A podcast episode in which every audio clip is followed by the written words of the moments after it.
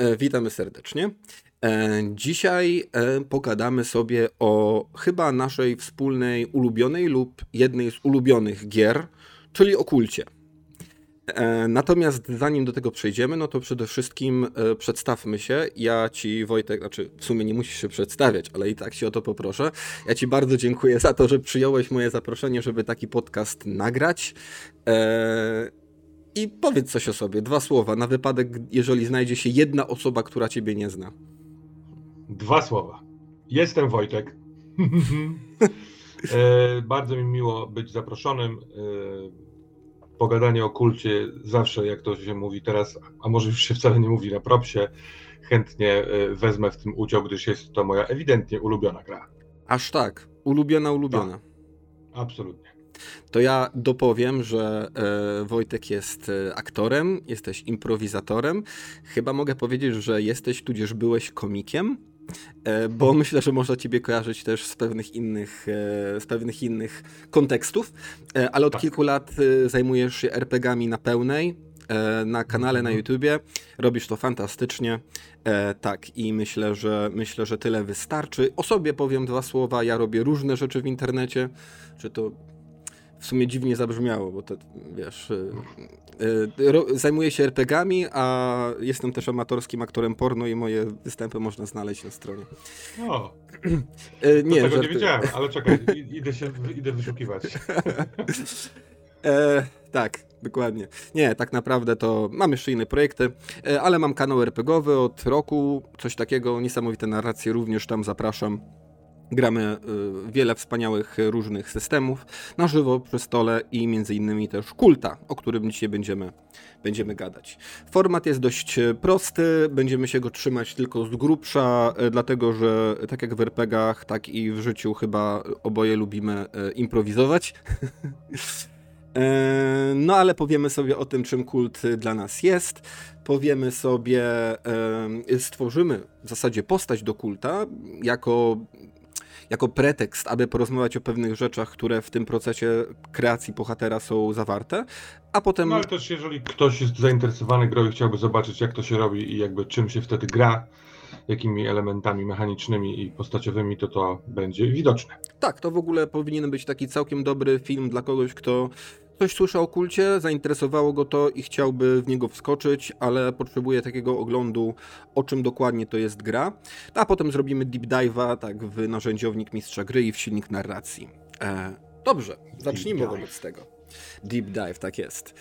E, zapis zacząłbym od e, takiego podsta- znaczy na jedno już mi odpowiedziałeś pytanie, czy jest to twoja ulubiona gra? Powiedziałeś, że tak.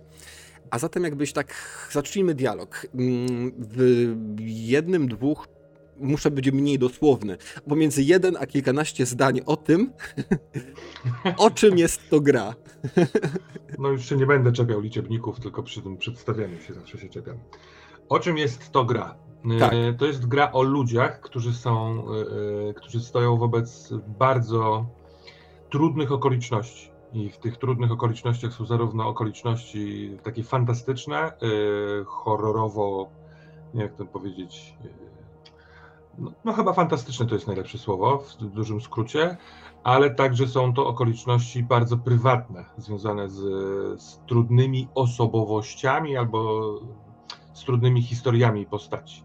Jak się robi postać w kulcie, to ona nigdy nie, nie jest e, takim e, zwykłym ludzikiem, tylko zwykle to są połamani mniej lub bardziej ludzie. No więc e, granie takimi postaciami wobec horrorów, to o tym dla mnie jest ta gra. Hmm. I ja zawsze jak komuś mówię o czym to jest, jak zapraszam na kulta kogoś pierwszy raz czy coś, to mówię, że um, to jest taki horror Matrixa, tylko że zamiast maszy masz bogów, demony i mitologię. E, a gra się zwykłymi osobami, bo ktoś pomyśli o Matrix, czyli jesteśmy tymi wybrańcami Neo, który, e, który, mhm. który wychodzi i jest bohaterem. Nie, jesteśmy zwykłymi ziomkami i ziomeczkami, które mają bardzo duże problemy to jest dla mnie gdzieś e, korowe, jakbym miał, jakbym miał powiedzieć. Mhm. No, ale... ja sobie pozwolę podyskutować, a co chyba mamy podcast, to można. E, według mnie nie do końca są to zwykłe ziomki, bo nawet jeżeli byśmy grali opcją e, śpiących archetypów, o tym szerzej za chwilkę, to oni po prostu nie pamiętają albo wypierają jakieś doświadczenia ze swojego życia, które są, no właśnie, które nie do końca są zwykłe, wydaje mi się. Y, dla, dla mnie charakterystyczną rzeczą w kulcie jest to, że te postaci są, y, no wrócę do tego słowa, połamane życiowo. Albo sobie to uświadamiają, albo nie, ale właśnie borykają się z takimi y, na bandzie rzeczami. I to no. mogą być zarówno życiowe rzeczy, jak i takie, takie realistyczne, jak i fantastyczne, horrorowe. To jest kwestia wyboru gracza. Ja się zgadzam, absolutnie się zgadzam, że. Ale to okej, okay, to generalnie przejdźmy w takim razie płynnie do tego, no właśnie do, do kwestii e, zasłony, która jest e, dla mnie mhm. kolejnym z takich podstawowych filarów, e, filarów tej gry. Zasłona, czyli właśnie ta maszyneria iluzji, iluzja tak naprawdę, no bo to nie jest wielki spoiler, że e, w kulcie tak naprawdę e, my, ludzie, jesteśmy do pewnego stopnia niewolnikami e, pewnych potężnych bytów, które działają właśnie w jakiejś innej rzeczywistości i które utkały dla nas więzienie, a tym więzieniem jest nasze doczesne życie i nasze nasze miejsce, gdzie jesteśmy, nasz świat, tak jak go, tak jak go rozumiemy. I w tym sensie się zgadzam, że te postaci są wyjątkowe w tym względzie, że ym, jakieś wydarzenia powodują, że zazwyczaj są w stanie przejrzeć tą iluzję w odróżnieniu od większości, większości ludzi. Ale właśnie to, mhm. co powiedziałeś, to jest bardzo często związane z tragizmem. Nikt nie nikt nie zajrzy za zasłonę na wskutek y, napicia się wyjątkowo dobrej kawy rano, albo mhm. nie będzie miał pięknego snu, w którym wychodzi, e, prawda? Tak. Raczej to będzie coś straszliwego, co spowoduje jego załamanie się, a w konsekwencji przejrzenie tej iluzji. No, to może być coś też wstrząsającego. Y, nie wiem, czy zawsze straszliwego, ale jakiś taki y, mocny nacisk emocjonalny y,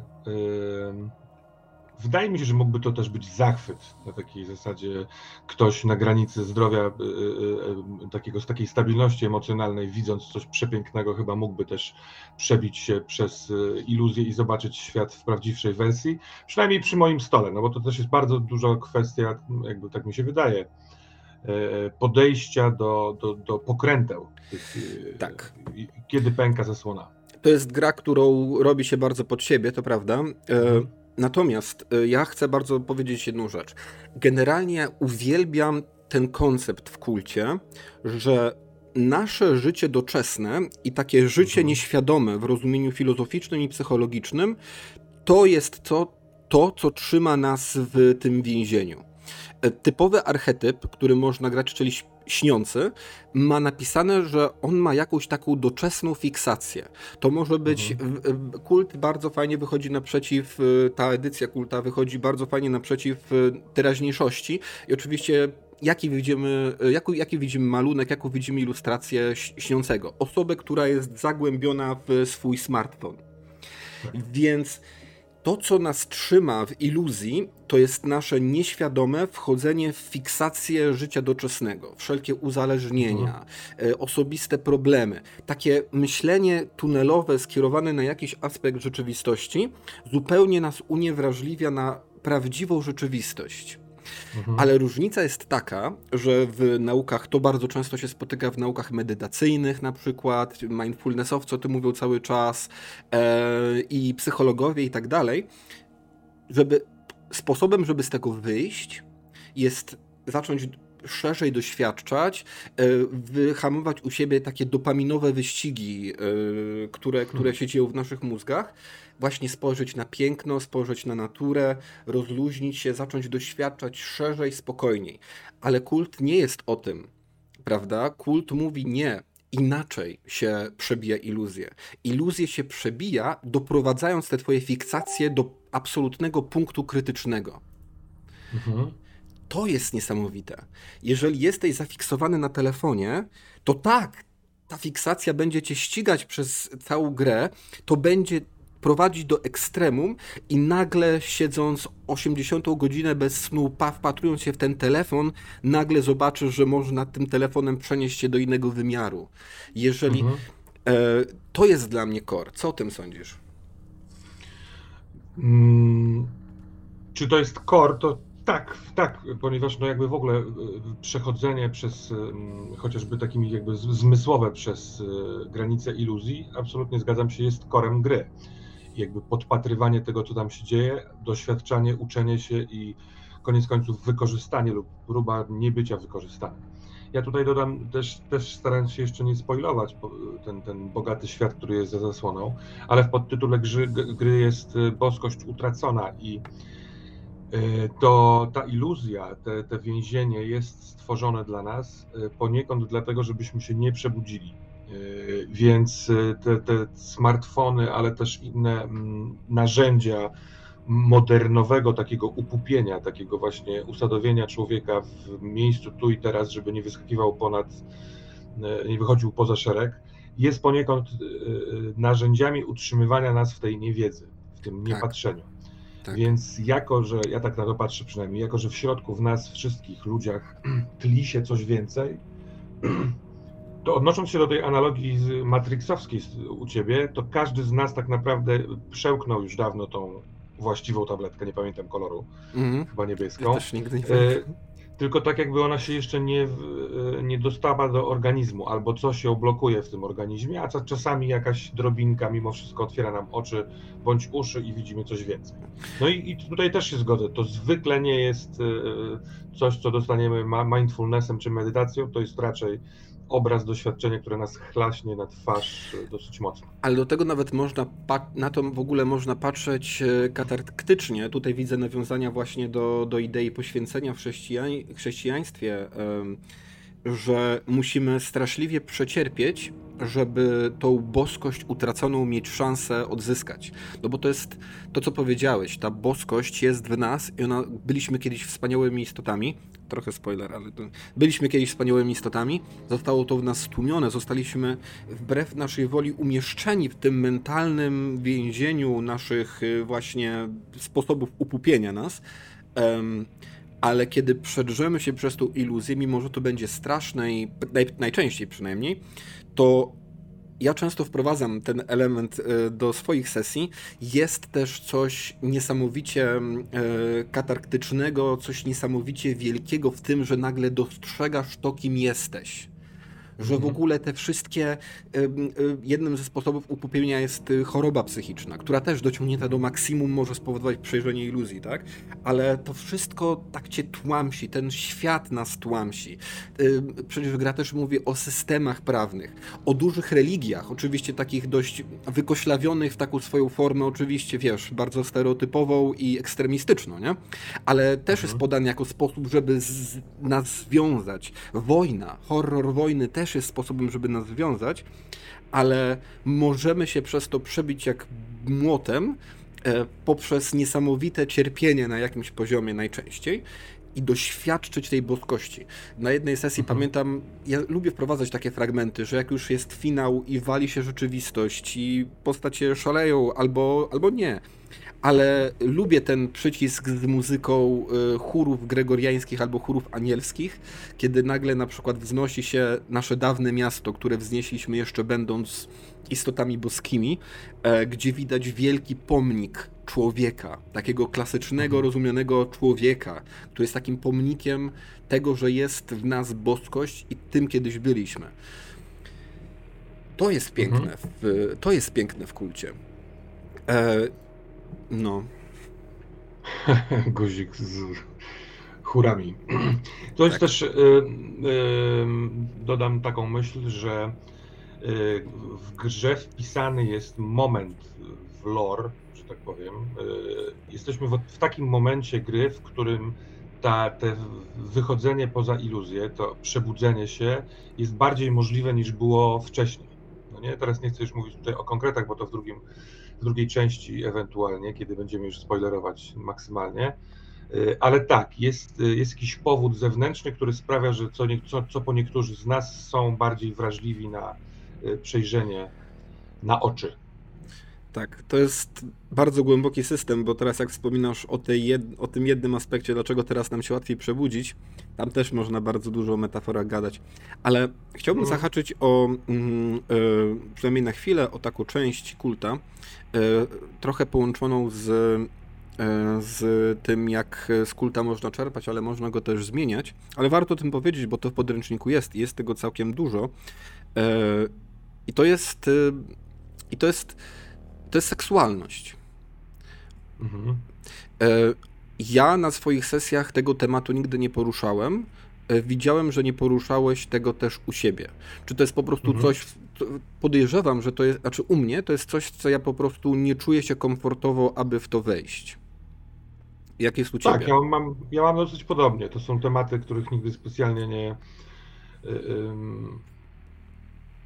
one nie są dla mnie rozrywkowe y, w takim sensie wykonywania tego, y, więc y, nie, nie, lubię nigdy jakby nimi grać, zarówno jako mistrz gry, jako, jako gracz. To się zdarza, ale rzadko i jest jakieś takie wyjątkowe przez to. Natomiast y, nigdy nie miałem, y, y, wiesz, zoomu na ten, na ten aspekt gry, na, na, na tą taką e, e, erotykę rozpasaną, że tak powiem, mhm. na, na, ten aspekt cielesnego body, znaczy body horroru, który jest w kulcie. Po prostu mnie to nie kręci. Mhm ale równocześnie myślisz, że dobrze, że to tu jest? Czy, yy, czy gra zyskałaby, może by straciła trochę taką bardzo bluźnierczą otoczkę wokół siebie, gdyby tego nie było? No to bluźniercze otoczki w ogóle mnie nie interesują. Yy świat urażonych e, uczuć, czy, czy tam, nie wiem, zgorszenia jest dla mnie totalnie nieistotne. To są produkty, które można zdobyć, a można je ominąć, można skrytykować, jak się okazuje. Ale czy gra by się zmieniła mocno? No chyba nie, gdyby tego nie było tak naprawdę. No jest to jeden z, jeden z elementów. Świat się zmienia dosyć mocno. Ja się czuję boomerem. Yy, młodsi ode mnie, a jeszcze bardziej młodsi są, patrzą na sprawy seksualne bardzo inaczej i z dużo większą otwartością. E, więc możliwe, że dla e, młodszych użytkowników taki element gry jest poniekąd bardziej naturalny niż dla takich jak ja. E, wiesz, no chociażby patrząc po filmach, kiedyś nie robiłem badań, więc to nie są twarde dane, ale wydaje mi się, że kiedyś znacznie mniej i skromniej epatowano nagością i e, aktami seksualnymi w opowieściach, także horrorowych, niż e, wiesz, od lat 90. do teraz. No wiesz co, myślę, że włoskie tanie horrory z lat 70. mogłyby udowodnić inaczej. Całkiem możliwe, tak. Bo tak, to jest, myślę, że... ale to jest dziura, w którą y, trzeba wejść bardzo świadomie. E, ale generalnie... nomen omen. Nomen omen, that's what she said. Natomiast e, generalnie się zgadzam, w takiej popularnej kulturze seks przestaje być tak, tak bardzo tematem tabu, faktycznie. E, natomiast mi się, mi się wydaje, że ważne, że to, że to tutaj jest i dobrze, że to tutaj jest. E, I myślę, że kiedyś chciałbym spróbować. Tylko to jest też kwestia ekipy. Trzeba mieć naprawdę bliskich sobie ludzi, którzy wiedzą, na co się piszą, żeby takie elementy wprowadzać. W ogóle o jakimś e, BHP powinniśmy powiedzieć również, jak sądzę, zwłaszcza w odniesieniu do tej gry. Natomiast, natomiast to jest dobrze, że to jest, bo nasza seksualność jest absolutnie jednym ze sposobów e, uwięzienia nas, tak? To jest mhm. E, wręcz idealne, bo tu się łączą namiętności z poczuciem winy, z, e, ze wstydem jest to dla mnie zupełnie naturalne, że w takiej grze jak Kult, która jest o rzeczach zewnętrznych, czy nawet trochę wewnętrznych, które nas ograniczają przed doświadczaniem rzeczywistości w jej pełni, że seksualność tutaj będzie. Bo oczywiście również poprzez straszliwe ekscesy, poprzez straszliwą namiętność można przebić się przez, przez iluzję. No właśnie, no, jakbyś... się zgadzam. Poza tym łatwiej nam jest y, E, utożsamić się albo wyobrazić sobie, nie wiem, szczytowanie, takie olśnienie, taką, taką eurekę duchową, e, no wiesz, no, wyobrażając sobie orgazm, tak. niż, nie wiem, jakieś doznanie psychologicznej miazgi, no nie? Tak. które może przebudzić. I kiedy sobie spojrzysz, kiedy sobie spojrzysz w, w rozdział o namiętnościach i, e, i, i właśnie o przebijaniu iluzji w tym kontekście, to to jest zestawione z religią i myślę, że jest to zestawione z religią bardzo świadomie, dlatego że porównanie orgazmu i, takiej, i takiego ekscesu seksualnego jest porównywane do ekstazy objawienia, e, mhm. nawiązując do, wiesz, do, do, do ruchów protestanckich, do, do uzdrawiania z chorób, e, wiesz, podczas show jakiegoś uzdrawiającego wiarą i tak dalej. E, więc no, składa się to w bardzo, bardzo, e, bardzo spójną, spójną całość. Mhm. kiedy gadaliśmy, nie wiem, czy chcesz tutaj coś dopowiedzieć, czy lecimy dalej? Wiesz co, chyba zewrzeć, y, zewrzeć trochę w, w ramy, tak sobie wyobrażam y, tego słuchacza filmu ewentualnie, co, co się teraz dzieje. Jakby mówimy o takim podstawowym elemencie gry, jaką jest zasłona, która oddziela nas, lud, postaci ludzkie od świata innego, może prawdziwszego i o tym, że w grze y, są różne sposoby Y, przepatrywania, zaznajamiania się z tym światem na zewnątrz i właśnie sobie je swobodnie omawiamy, znaczy nie, nie właśnie nie swobodnie, bo staramy się unikać spoilerów, y, mhm. gdyż bardzo ważnym elementem gry jest te takie powolne odkrywanie. Tak. Ale chciałbym dołożyć też, że bo widziałem w internecie, w recenzjach, w, w, rozmowach z ludźmi, że część osób nie do końca jest zainteresowana kultem po lekturze albo przejrzeniu podręcznika bo fakt jest taki, że i grafiki, i e, właśnie przejrzenie podręcznika mogą wskazywać, że w tą grę gra się hardkorami, gra się bardzo nagimi, pociętymi postaciami, które są dosyć obrzydliwe, właśnie takie religijno-seksualne. Niektóre grafiki mają w sobie i religi- jakby jakąś symbolikę religijną, ale połączoną z jakimiś straszliwymi rzeczami. Mhm. To jest, to, to nie jest jakby, to nie jest gra o tym to, to, to jest jedno z narzędzi, których można używać w grze, jeśli się chce. Mnie tematy religijne absolutnie w ogóle nie interesują i je olewam. Y, I nie, nie uważam, żeby gra w związku z tym była uboższa czy coś takiego. Nie, nie, nie, nie. Ja chciałem to zaznaczyć, bo to jest ciekawe, ale ja również tych rzeczy na swoich sesjach kultu nie tykam i również nie sądzę, aby kult w jakikolwiek sposób tracił. Można mhm. tworzyć, można używać tych innych pułapek jako. Mm, jako fantastycznych przyczynków do, do ciekawych sesji.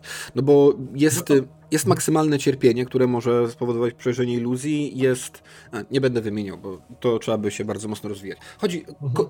Y, clue jest takie, że jest bardzo dużo fajnych rzeczy w kulcie i też niekoniecznie warto się absolutnie przejmować tymi grafikami, bo one sugerują, ta gra kiedyś była bardzo edge'owa w swoich wcześniejszych, wcześniejszych edycjach. Mam wrażenie, że w tej edycji bardzo dojrzała. E, stała się bardzo dojrzałym psychologicznym horrorem. Ale mhm. e, mam wrażenie, że moglibyśmy powoli przechodzić do tworzenia naszej postaci, przy okazji omówić kilka mechanik ciekawszych.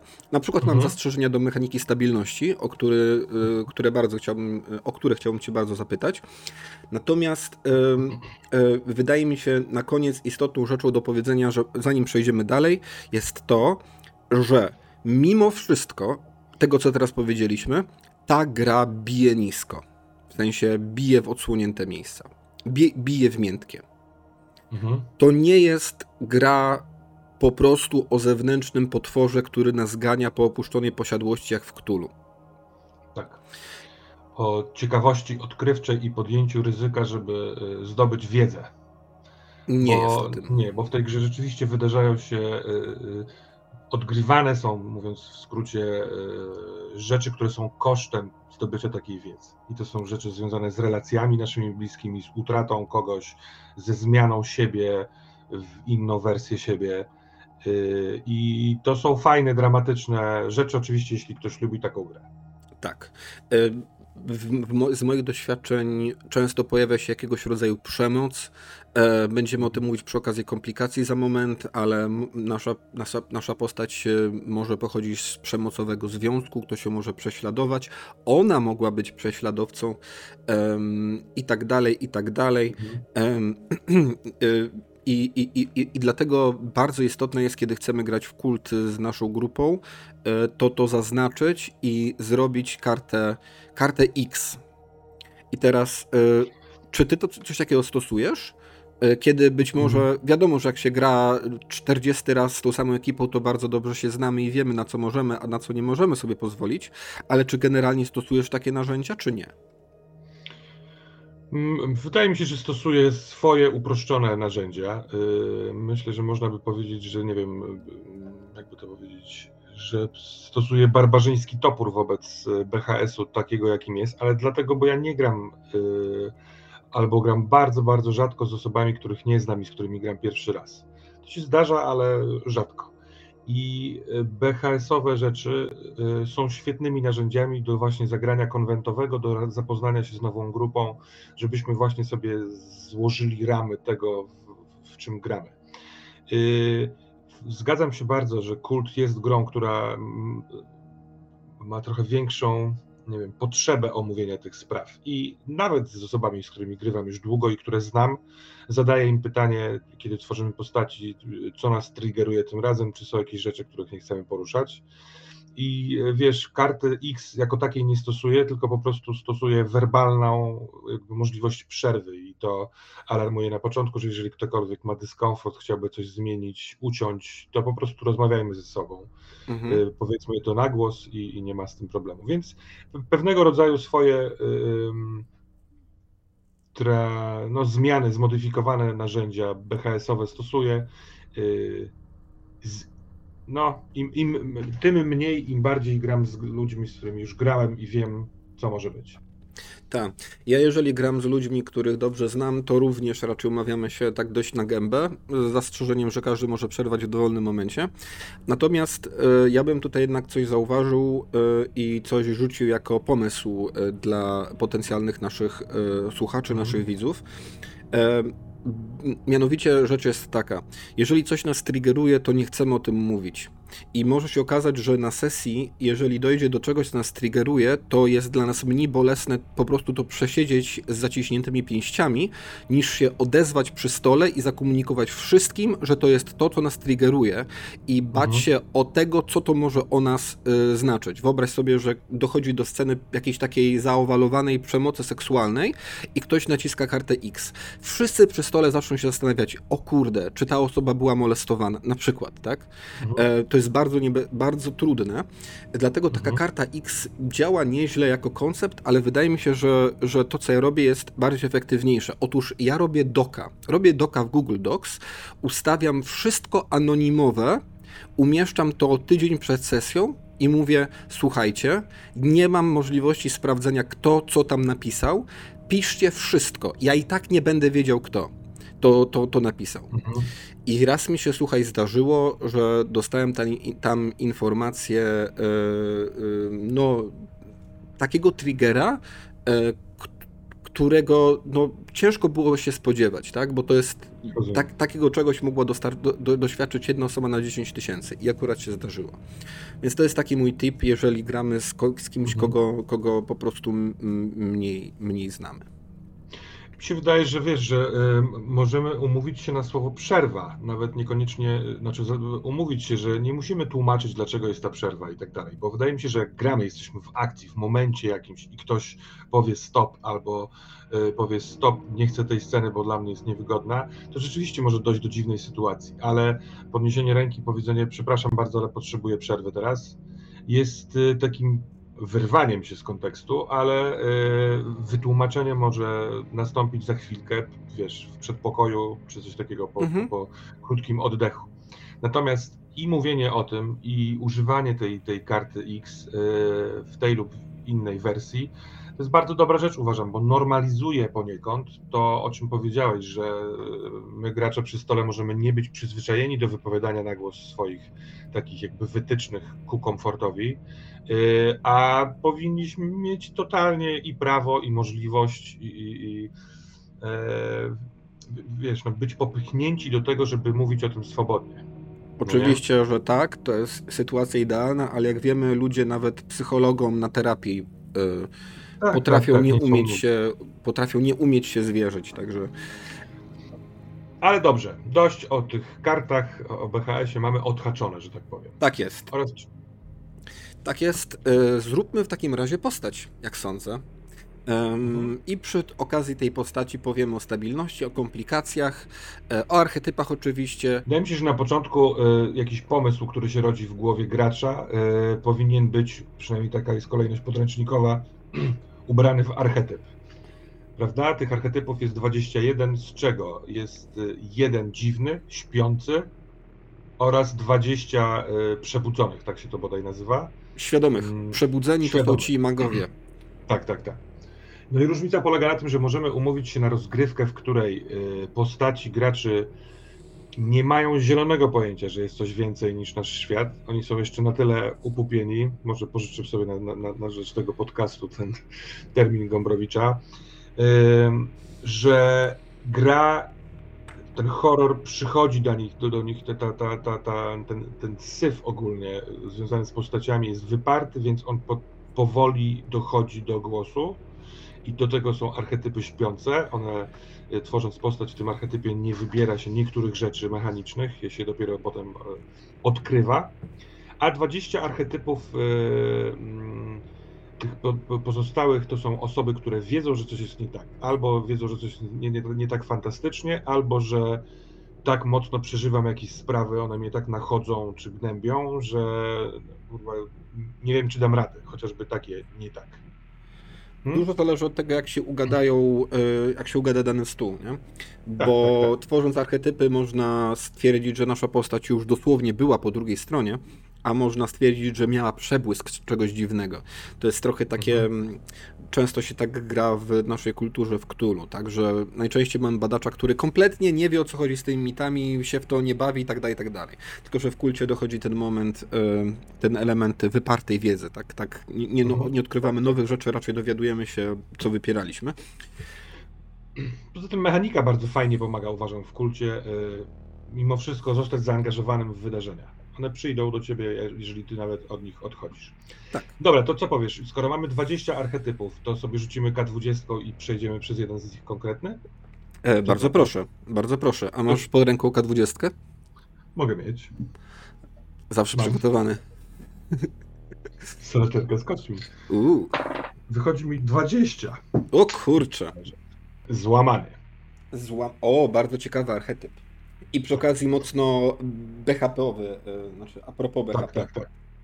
Bo zwróćmy uwagę, że te archetypy są bardzo rozmaite. One odnoszą się do konkretnych zawodów typu agent FBI, czy nie wiem, niekonkretnych zawodów, ale ogólnych, czy typu artysta, e, ale są tak jakby takie postawy, nie wiem jak to nazwać, takie sytuacje życiowe. Jest ktoś, kto jest złamany, więc można zrobić background jakikolwiek się chce, Zresztą na przykład złamany ma, wszystkie mają przypadko, przykładowe zawody, tak?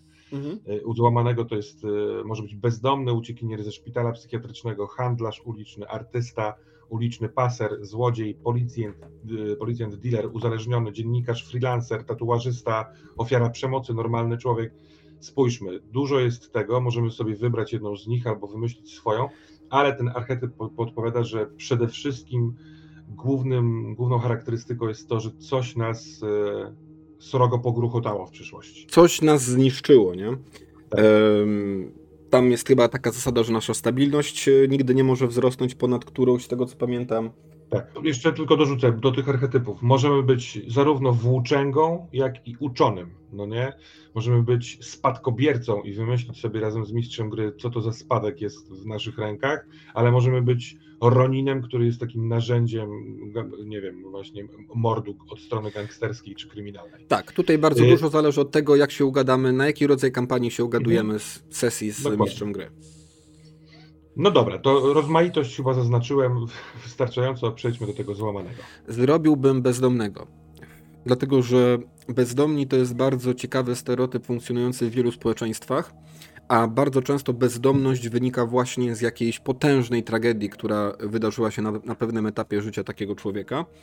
Pasuje mhm. mi ktoś złamany, bezdomny, w settingu polskim, który właśnie spędza e, zimę w jakimś ośrodku opieki społecznej, gdzie nie działa ogrzewanie, gdzie jest masa, e, masa ludzi uzależnionych od narkotyków, totalnie zniszczonych. Taki szpital psychiatryczny trochę, tylko że nie ma w mhm. nim nic z medycyny. Jest tylko kilka starych pani kucharek i od czasu do czasu koleś z zarządu, który wpada, żeby zobaczyć, czy wszystko jest ok i czy wszyscy są trzeźwi, mhm. gdzie nigdy nie są. Dobra. No to y, idąc dalej y, następnymi punktami, to mroczny sekret. To taka charakterystyka, każda z postaci ma jeden taki mroczny sekret. Y, I to jest coś, co mm, nie ma mechanicznego przełożenia w ogóle, ale nadaje kolor i rys całości. I złamany archetyp ma takie propozycje.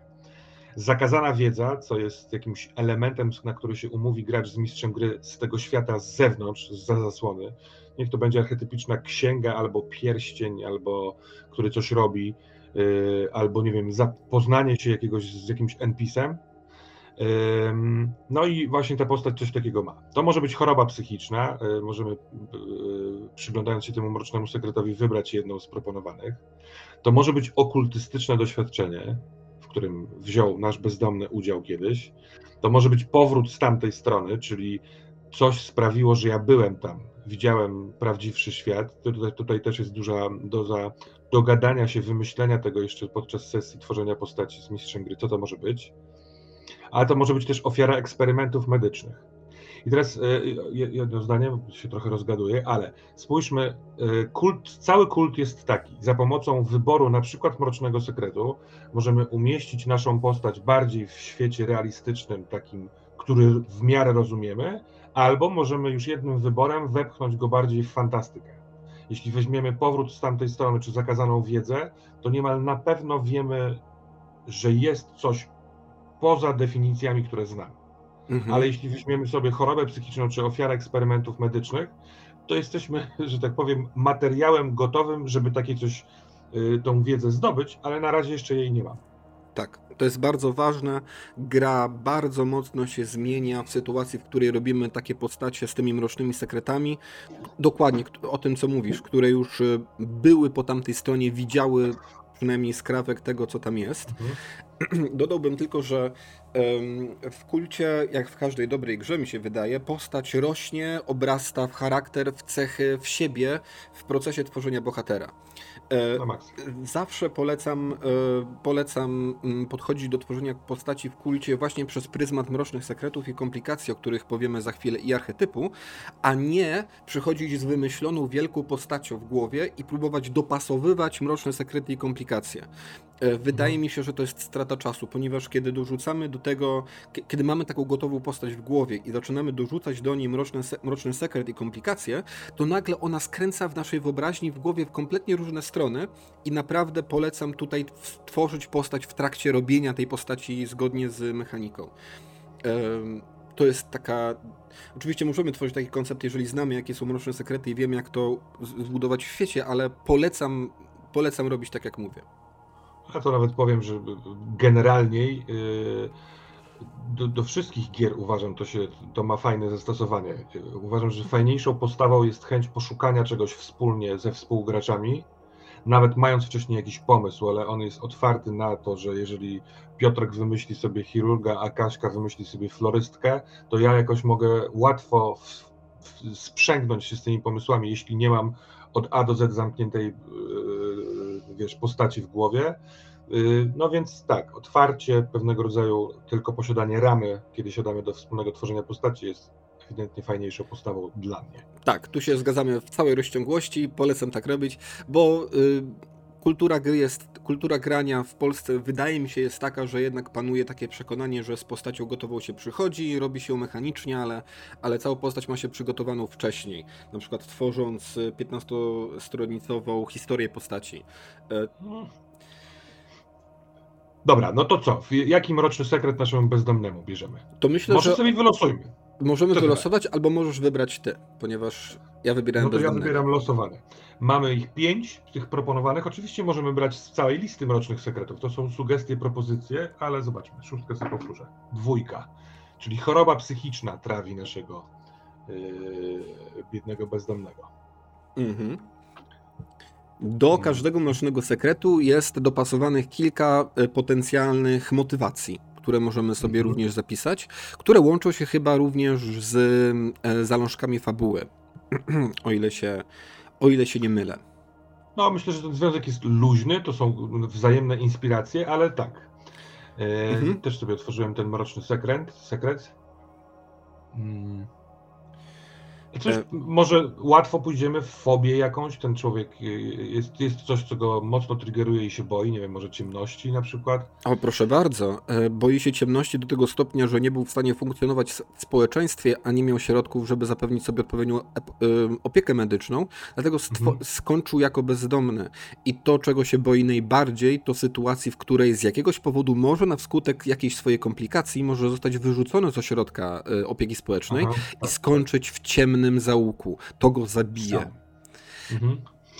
I każdy, tak jak mówiłeś, Mroczny Sekret ma proponowane motywacje, które jeśli sobie wybierzemy, y, to one są ciekawą inspiracją do gry. Spójrzmy, jakie są y, te motywacje przy chorobie psychicznej. Zbadaj iluzję, albo ujawnij spisek, albo zemści się na swoich lekarzach i innych opiekunach, albo odkryj prawdę o swoim krewnym, albo odszukaj swojego chorego psychicznie krewnego, który zaginął. Znów spójrzmy, jeśli gracz decyduje się na którąś z tych rzeczy, mówi, że to go in interesuje, to spójrzmy, jak to mistrzowi gry powoli zawęża taki, y, takie pole do działania. W którą stronę chciałby gracz iść? Jeżeli mamy tych graczy trzech, troje, to y, te rzeczy się jakoś zaczynają mieszać, spotykać już przy samym tworzeniu postaci. Tak, zauważmy jak, jak fokus jest przerzucony z pozycji domyślnej, mistrz gry ma gotowy scenariusz i gracze tworzą postaci dopasowane do scenariusza lub dostają gotowe, mhm. versus w procesie tworzenia postaci dowiadujemy się o czym będzie sesja i ta sesja zawsze będzie o tych postaciach i o ich problemach. Mhm. To jest fantastyczna rzecz też, żeby nie było, można inaczej i będziemy też o tym mówić, jak dojdziemy do tego, jak tworzymy scenariusze w kulcie. Mm. Dobra, to może zostawmy tą motywację, nie, nie wybierajmy mu tego, yy, chociaż może nam się to przyda, jak myślisz? Dlaczego by tego nie zrobić? Jest pięć, turlaj. No, turlu, turlu. Ty nie masz kości? Dwójka znowu. Nie mam. Ujawnij znaczy, spisek. Ujawnij no spisek, on... trudne ciemność i samotność u niego związana jest jakoś ze spiskiem, który sobie wymyślił. Ktoś gasi światło, ktoś chce nas mieć w ciemności, e, może on chce odkryć, kto to jest. Hmm? Dobra, dobra. E, komplikacje? Komplikacje. Komplikacje to jeden z Twoich ulubionych elementów gry, jak mnie mam. Może e... też powiedzieć kilka słów mój absolutnie ulubiony. E, przyczynki do zmieniania fikcji, przyczynki do przeniesienia e, gry w określonym kierunku. Komplikacje są dla postaci tym, czym tak jak brzmią, to są różnego rodzaju problemy, z którymi zmaga się nasza postać, na które się rzuca e, kośćmi i w zależności od tego, co nam wypadnie, gra idzie w jakimś określonym kierunku tudzież mistrz gry dostaje coś, co nazywa się punktami wpływu, może używać jakiegoś elementu komplikacji, e, aby, e, aby przeszkodzić postaci. Niekoniecznie przeszkodzić, popchnąć ją w jakąś e, ciekawą, ciekawą stronę. Ja tutaj sobie zapisałem w notatkach, że komplikacje, komplikacje trochę mówią o tym, co się na sesji dzieje, w tym znaczeniu, że kult zazwyczaj nie jest stricte grą o, e, nie wiem, śledztwach, o walczeniu z potworem. Ja mam takie wrażenie, że kult jest przede wszystkim grą o ludziach, którzy zmagają się ze straszliwymi problemami, gdzie zasłona i to, co za nią czeka, gdzieś na nich. E, za, za węgła e, na nich wygląda. I komplikacje są takim motorem problemów, które są podkręcane przez grę i przez mistrza gry. Nie wiem, co sobie wybierzemy, ale przy okazji naszej postaci, na przykład e, fobia przed ciemnością mogłaby być jedną z komplikacji, na przykład. Tak I wtedy, I wtedy wiemy, że przy złym rzucie na komplikację, która jest od, który jest odpalany w konkretnych okolicznościach, mistrz gry może wziąć tą ciemność i zacząć y, używać jej jako przeciwności dla bohatera gracza w tym momencie. Dokładnie tak. To ja jeszcze tak od strony mechanicznej. Y, na początku sugeruję się wybrać dwie komplikacje dla swojej postaci. Y, do tego są te, te, te komplikacje, większość z nich działa po trochu jako ruch w grze, czyli rzucamy kośćmi, kiedy ruch jest triggerowany. Niektóre te komplikacje są triggerowane po prostu początkiem sesji i tam jest napisane. Na początku każdej sesji rzuć 2K10 i przeczytaj wynik. I są trzy wyniki, tak jak w większości ruchów, jeśli nie we wszystkich w kulcie. Czyli jest 9 i mniej to lipa, 10 do 14 to sukces z komplikacją, mówiąc w dużym skrócie, i 15 i więcej to sukces. Więc są komplikacje, które są triggerowane początkiem sesji, ale większość z nich ma swój własny trigger wpisany w komplikację. Na tak. przykład, y, jako złamany archetyp, y, to jest też ciekawa rzecz, my musimy wziąć, y, y automatycznie otrzymujemy komplikację rozbity. Mhm. To jest akurat komplikacja, która nie jest triggerowana, tylko Jakieś wydarzenie z przeszłości zrujnowało Twoją psychikę do tego stopnia, że nie jesteś w stanie się pozbierać. Co za tym idzie, Twoja stabilność nigdy nie może wzrosnąć powyżej przestraszonego. Mhm. Mm, to jest jedna z naszych dwóch komplikacji. Mm, ładnie nam się składa z naszym rocznym sekretem. Mhm. I, I powiedziałbym, że mm, że tak, że, że tutaj nie musimy tego robić, ale myślę, że tutaj wypadałoby chociaż trochę zarysować dokładniej, e, tworząc postać, co było tym konkretnym wydarzeniem. Na przykład, co sprawiło, mhm. że nasza postać zaczęła się tej ciemności bać. Wiemy, że chce odkryć jakiś spisek, więc może ktoś, jakaś istota albo człowiek e, spróbował wykorzystać ją przeciwko niemu. Może nam to wyjdzie z kolejnej komplikacji. Natomiast myśl, wydaje mi się, że e, po pierwsze tutaj chciałbym powiedzieć, że jak Termos opisywałeś, jak działa e, rzut, no to to się odnosi do całej mechaniki kulta. To znaczy w zasadzie każdy rzut, z drobnymi oczywiście wyjątkami, ale generalnie każdy rzut będzie się kończył jednym z trzech wyników, o których powiedziałeś. Porażka, częściowy sukces, sukces. A to, co się różni, to to, co się dzieje przy danym wyniku. E, znaczy zawsze to będzie sukces z komplikacją na przykład, ale w zależności od ruchu ta komplikacja może być różna. Przykładowym ruchem jest przykładowym ruchem jest jak to było? Weź się w garść. E, mhm. który jest takim ciekawszym odpowiednikiem, nie wiem, rzutu na poczytalność e, z Zewu gdzie przy całkowitym sukcesie przemy naprzód, wszystko jest ok, ta wielka istota, która się pojawiła, nas przeraziła, ale nie do tego stopnia, aby miało to mechaniczne odzwierciedlenie. Przy częściowym sukcesie tracimy poziom stabilności bodajże, albo staj, yy, tracimy poziom stabilności, stajemy się wściekli, smutni, przerażeni, gracz wybiera. Możemy, tak Mhm. Albo y, rezygnujemy z utraty stabilności, ale to coś wróci, żeby nas ugryźć w tyłek, mówiąc kolokwialnie. Bardzo fajne narzędzie mhm. narracyjne dla mistrza. No a przy e, całkowitej porażce lecimy stabilnością w dół i jest w ogóle masakra się dzieje. Nie? I każdy rzut jest tak skonstruowany. Tak. Parę razy się już odnosimy do, odnieśliśmy do tej mechaniki stabilności. Stabilność jest poniekąd, y, nie wiem, rankingiem zdrowia psychicznego.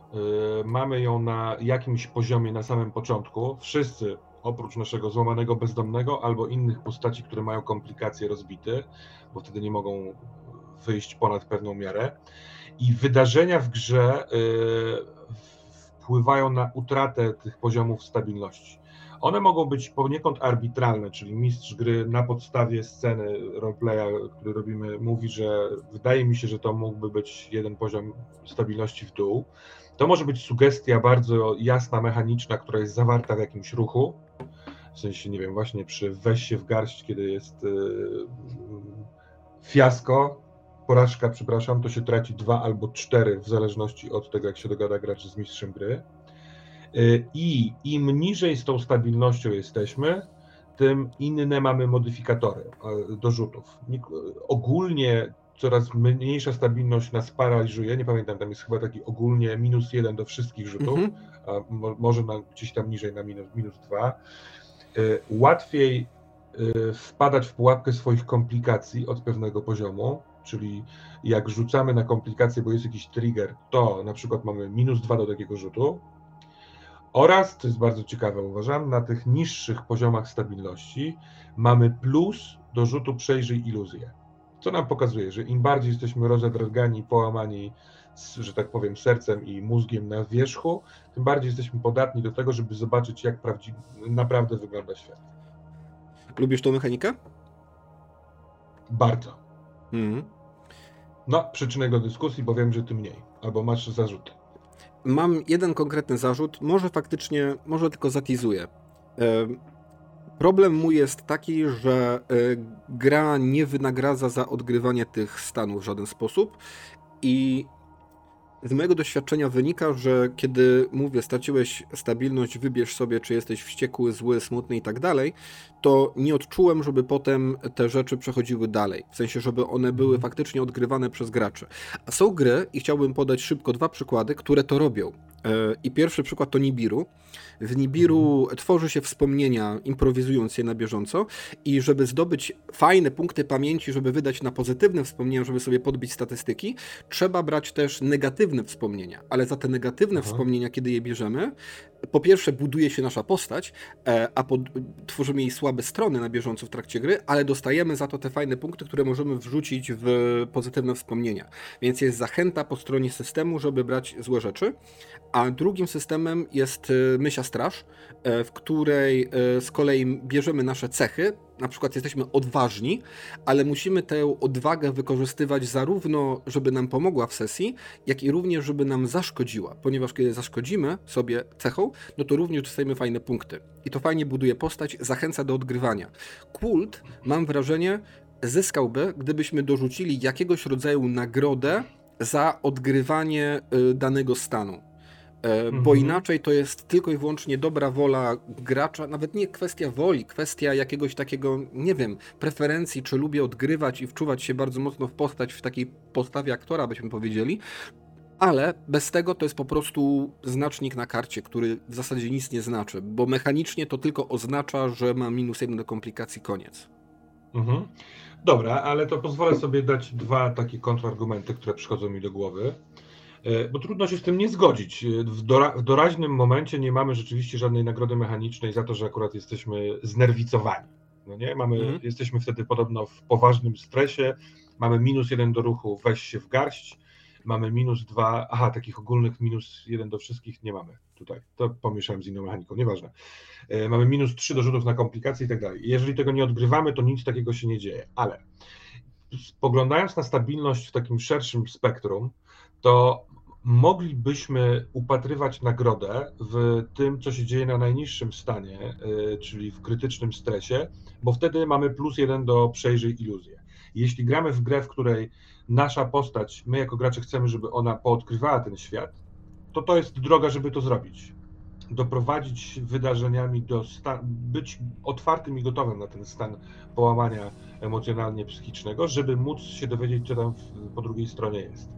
A idąc dalej, jeśli spadniemy po, po, poniżej krytycznego stresu, czyli będziemy zdruzgotani, to y, ten stan jest stanem dosyć przejściowym i w zależności od opcji, którą wtedy wybierzemy razem z mistrzem gry, możemy tak jakby wpychać tą naszą postać w następny poziom, nie rozwoju pedekowego, tylko takiego, nie wiem, fabularnego. Przecież my tam możemy zmienić archetyp na przykład. Mhm. Możemy wygasić jakąś komplikację, biorąc nową komplikację. Więc y, to nie jest nagroda doraźna, ale to jest pewnego rodzaju proces, po którym możemy iść jako gracze w kulcie. Też się zgadzam, ale to, co teraz powiedziałeś, wydaje mi się, że wymaga dość niezłej wiwisekcji systemu, bardzo mocno mhm. zrozumienia, o czym on jest. Tak. I teraz otworzyłeś mi oczy na to w tym momencie, kiedy o tym powiedziałeś, że ten, ten plus jeden do przejrzyj iluzję to jest. Do tej pory traktowałem to, no dobra, okej, okay, ale mhm. faktycznie to dużo znaczy, kiedy popatrzymy sobie na to, o czym jest ta gra. Y, mhm. Biorę argument, wciąż myślę, że fajnie byłoby dorzucić coś doraźnego, żeby do tego tak. zachęcić. Um... Ale czekaj, to mam jeszcze drugi, bo to jest też uważam ciekawa rzecz, a do tego do, dopowiada czym jest stabilność. Jak odzyskujemy te punkty stabilności? Otóż mamy e, w trakcie tworzenia postaci tworzymy sobie relacje z kilkoma NPC-ami, mniej lub bardziej bliskie, intymne czy znaczące te, te, te relacje i mm, e, jakby przebywanie w blasku tych relacji, jakaś spokojna rozmowa, e, jakiś odpoczynek z nimi, choćby rozmowa telefoniczna, E, może podnosić o, o współczynnik wybrany w tej relacji e, stabilność. Tak? tak? Więc stabilność dla mnie to jest takie przeciąganie liny w tej grze. Wydarzenia e, i pan mistrz gry albo pani mistrzyni gry będą mi tę stabilność zabierać, a ja, jeśli chcę uratować swoją postać, w odróżnieniu do pójścia w dół i wiesz, od przejrzenia na, przez iluzję, to będę chciał się trzymać ludzi, którzy, którzy są dla mnie bliscy. To fajne. Spójrz, spójrzmy, to też tworzy ciekawą rzecz. Jeżeli jest w jednej scenie moja postać, mój ten powiedzmy bezdomny, y, stoi wobec y, kogoś, kto jest nieprawdziwy, w takim sensie fantastycznym. Ma 3 metry wysokości, długie ramiona, kły i przemawia ludzkim głosem Y, ja jestem pogruchotany, spada mi stabilność, to następnego dnia chcę iść do mojej ukochanej pani sprzedawczyni w warzywniaku i po prostu pomóc jej rozpakowywać warzywa, bo chcę się postawić na nogi. Co jest komunikatem dla mistrza gry, że jeśli będę chciał w cudzysłowie mocniej dokopać emocjonalnie tej postaci, albo wystawić ją na, na, na działanie, to może y, sprzęg, wiesz, wpleść w to tą panią z warzywniaka, która jest cenna więc to są takie ryzykowne, horrorowe rzeczy. To tutaj już kończąc ze swojej strony dodam, to idąc w tą stronę, uczyniłbym e, upadek, utratę stabilności bardziej bolesną. Mhm. Bo ta stabilność, kiedy sobie spada, dość długo jest to relatywnie niegroźne. Ten minus jeden, on ma znaczenie, to nie jest nic, ale jest dość mało groźne. Poza tym mhm. ja mam wrażenie, że kiedy my gramy w kult, to bardzo często to jest takie play to lose. E, I tam mhm, tak. za bardzo nikt o postać nie walczy. Więc e, biorę też ten argument z tym zastrzeżeniem, że wtedy bym zrobił mocniej. Że już przy mhm, utracie mhm. kilku punktów stabilności mam na przykład minus 3. Minus 3 to jest tragedia. To już znaczy, że masa rzutów będzie ci co najwyżej wchodziła na, e, na ten częściowy sukces. tak.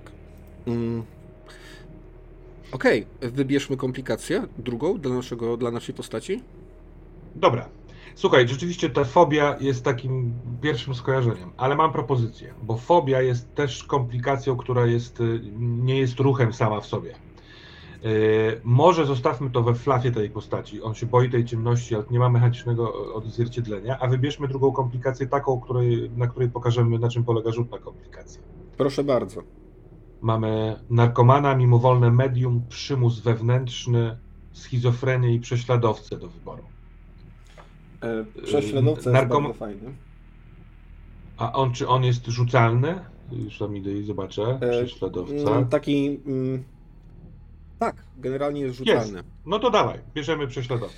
No to nam się już składa cała postać. Postać z lękiem przez ciemność, która padła ofiarą spisku i ten spisek został uknuty przez jej prześladowcę i obecnie, e, tak? Nie, nie, nie, spoko, spoko. I obecnie działa to w ten sposób, ta komplikacja, to jest coś, co mistrz gry musi mieć zaznaczone albo musi mieć to, do tego łatwy dostęp. Ściga cię wróg o nieznanej tożsamości, każdy, kogo spotkasz, może być jego sługą, nawet nim samym, nikomu nie można ufać, musisz wciąż zmieniać adresy i zachowywać ciągłą czujność, by nie zostawić śladów. On mi zaczyna wyglądać jak taki wampir z Wampira Maskarady, że z jednej strony jest bezpieczny w tym ośrodku opieki, a z drugiej strony wie, że musi go opuścić, bo jak mhm. zostanie za długo tutaj, to ciemność go znajdzie znajdzie. Tak. Jezu, ja chcę grać w tą grę. On nie może być, on nie może być gdziekolwiek tak naprawdę. Więc tak. to jest ktoś, kto chciałby być nigdzie. Tak, Jezu, ja chcę, ja chcę zagrać. E, musi wciąż zmieniać adresy e, i zachować czujność, aby nie zostawić śladów, którymi mógłby podążyć w czasie pierwszej sesji gry i za każdym razem, gdy ujawniasz miejsce, gdzie aktualnie przebywasz, rzucasz po prostu 2K10. Chyba to nie, to tak. się chyba rozumie samo przez się, ale tutaj nie rzuca się K20, rzuca się nie, nie rzuca się. 2K10. Tak, 2K10 się rzuca. E, no i przy 15 jesteś na razie bezpieczny. Przy 10-14 twoi wrogowie są blisko, MG zyskuje 1 punkt wpływu. Przy dziewiątce lub mniej Twoi wrogowie ci namierzyli, MG zyskuje 3 punkty wpływu i dopisek MG może wydawać punkty wpływu, by wykonywać ruchy w imieniu prześladowców. Może się na przykład okazać, że przekupili Twojego zaufanego współpracownika, jeden z Twoich bliskich lub sojuszników znika, wrogowie podkopują Twoje działania lub usiłują Cię zranić. W tym momencie MG dostaje takie wielkie wiadro amunicji, takie ciężkie, które ledwo mhm. jest w stanie unieść, kładzie sobie nad stołem, ma 2 miliony pomysłów naraz w głowie i już wie, że nieważne co zrobi, ta sesja będzie zajebista, jeżeli niczego nie skopie koncertowo, bo już to się samo pisze. I to jest trochę mhm. największa zaleta kultu, że to się samo wymyśla. Tak, tak, tak. tak. Więc ten, ten wpływ jest e, e, bardzo ważnym kijem w mrowisku, jakim jest scenariusz gry. Bo mistrz gry, ja, ja kiedy siadam do kulta i mam prowadzić sesję, to mam jakiś pomysł, E, procent zamkniętości tego, procent, tego pomysłu na razie zostawiam, później o tym e, pomówimy, ale on musi być miejsce na dołożenie takiej rzeczy. No bo na przykład e, w czasie pierwszej sesji gry ten gracz grając bezdomnym rzuci kostkami i mam nagle trzy punkty wpływu, które w trakcie sesji będę mógł wykorzystać na te przeczytane przez ciebie rzeczy. Albo gramy tam czwartą sesję i tak jak ten trigger mówi, w czasie pierwszej sesji gry lub za każdym razem, kiedy ujawnisz miejsce, gdzie aktualnie przebywasz. Więc ta postać może, nawet zapominając o tym prześladowcy, przecież to jest też dosyć życiowe, zadzwonić do pani od warzywniaka i powiedzieć, że mogę być u pani za 5 minut, żeby pomóc. Ona mówi, tak. no to przyjdź. A mistrz gry mówi, słuchaj, rzuć proszę na swoją komplikację prześladowca. To, to, to jest super działa na wyobraźnię, bo od razu możemy myśleć, co jest, ktoś podsłuchiwał tę rozmowę telefoniczną, ktoś słyszy mnie stojąc obok i może wiedzieć, gdzie ja teraz pójdę. Może pani z warzywniaka w tym momencie stoi z pistoletem wymierzonym w tył swojej no, głowy i ktoś jej mówi, co ma powiedzieć przez telefon. E, mhm. I, I, jeszcze jedna rzecz. W trakcie gry, e, kiedy wykonu, nasze postaci wykonują różne rzeczy, a na przykład mistrz gry mówi, dobra, to teraz proszę rzuć na ten ruch, albo rzuć na ten ruch, nie wiem, rzuć na zbadaj, rzuć na yy, wpłyń na innego i tak dalej, to yy, sukces z komplikacją albo porażka w swoim opisie może mieć taką, taką notatkę mistrz gry wykonuje ruch jedną z opcji ruchów mistrza gry jest skorzystanie z tych wpływów z komplikacji. Czyli ja jestem w, innym, w innej części przygody nie wiem, badam księgę, którą znalazłem, ale mi nie wyszedł rzut, to możliwe, że jest to dokładnie ten moment, w którym do pomieszczenia biblioteki wchodzi sługa prześladowcy, ponieważ mam jeden z wpływu do wykorzystania. Tak. I to też trochę inaczej skłania, moim zdaniem, do tego zaraz przejdziemy, myślę, e, do konstruowania scenariuszy na zasadzie dostępnych takiego narzędziownika mistrza gry z komplikacjami, potencjalnymi ruchami, mocnymi uderzeniami, punktami wpływu mhm. i tym wszystkim, zamiast projektowania zaplanowanych dużych scen, które muszą się wydarzyć. W sensie one mhm. mogą być, tylko nie mogą tak. być obowiązkowe e, za wszelką Otóż cenę. To.